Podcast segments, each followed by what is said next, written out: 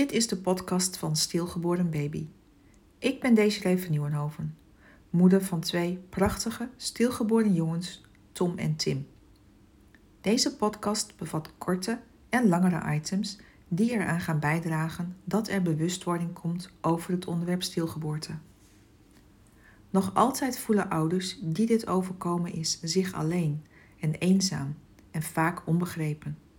Ik wil ervoor zorgen dat deze gevoelens de wereld uitgaan.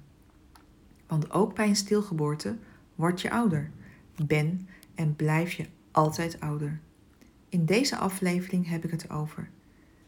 Ik kan bij niemand mijn verhaal kwijt.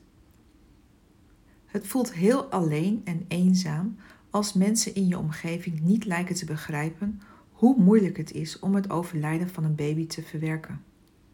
Je wilt graag je verhaal kwijt, maar iedereen gaat gewoon weer verder met zijn of haar leven.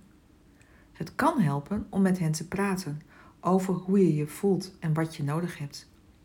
Ik heb geleerd duidelijk aan te geven wat mijn behoeften waren toen mijn twee stilgeboren zoontjes Tom en Tim overleden.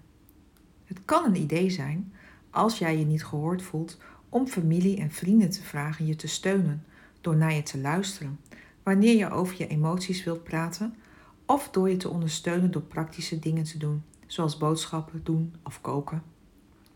Het is belangrijk om te onthouden dat het goed is om hulp te vragen als je het moeilijk hebt.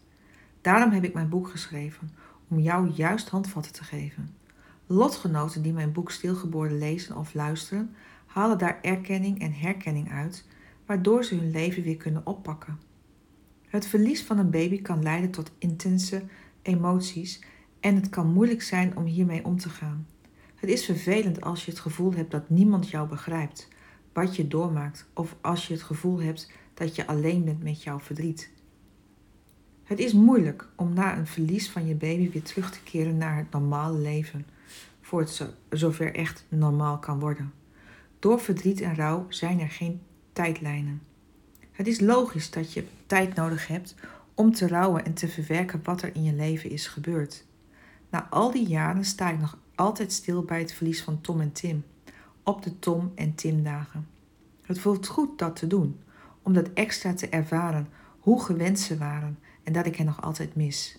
Want dat is na al die jaren nog steeds zo. Ik mis hen nog steeds. Alleen zijn ze zo geïntegreerd in mijn leven dat ik nu gewoon verder kan met mijn leven.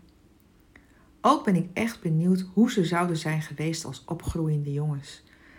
Wat hun karakters waren, hoe ze eruit zouden zien. Dat blijft een van de grootste en pijnlijke dingen waar ik maar geen antwoord op krijg. Dan is het fijn dat mijn omgeving er voor me is. Ehm, ja, het is gewoon fijn als je merkt dat je een omgeving hebt waar je gewoon je verhaal kunt doen.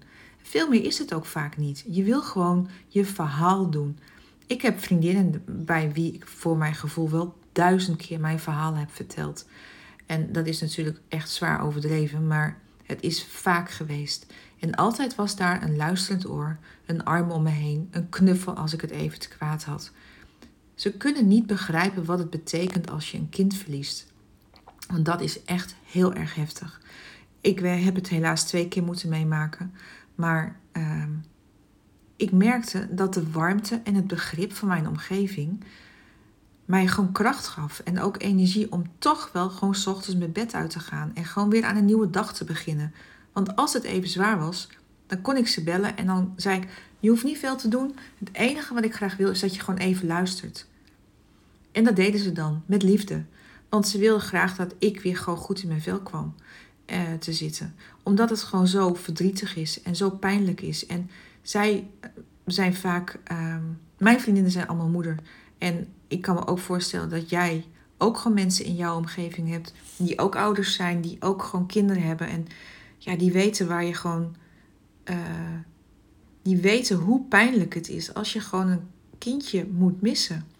Want ik denk dat ze het niet eens aankunnen om zichzelf te verplaatsen in jou. Want jij hebt iets meegemaakt wat zo ontzettend intens en heftig is. Ja, daar, daar willen mensen het liefst niet aan denken. Daar lopen ze liefst gewoon voor weg. Dus um, Geef alsjeblieft aan wat jouw behoeften zijn. En soms weet je het ook gewoon niet wat je behoeften zijn. Soms wil je gewoon een luisterend oor, dan wil je een knuffel, dan wil je gewoon iets doen. Dan wil je gewoon je hele huis poetsen, of je wil gewoon een wandeling maken, of je wil gewoon lekker naar de film, of wat dan ook. Maar geef alsjeblieft aan wat je nodig hebt, want anders kan jouw omgeving jou gewoon niet helpen.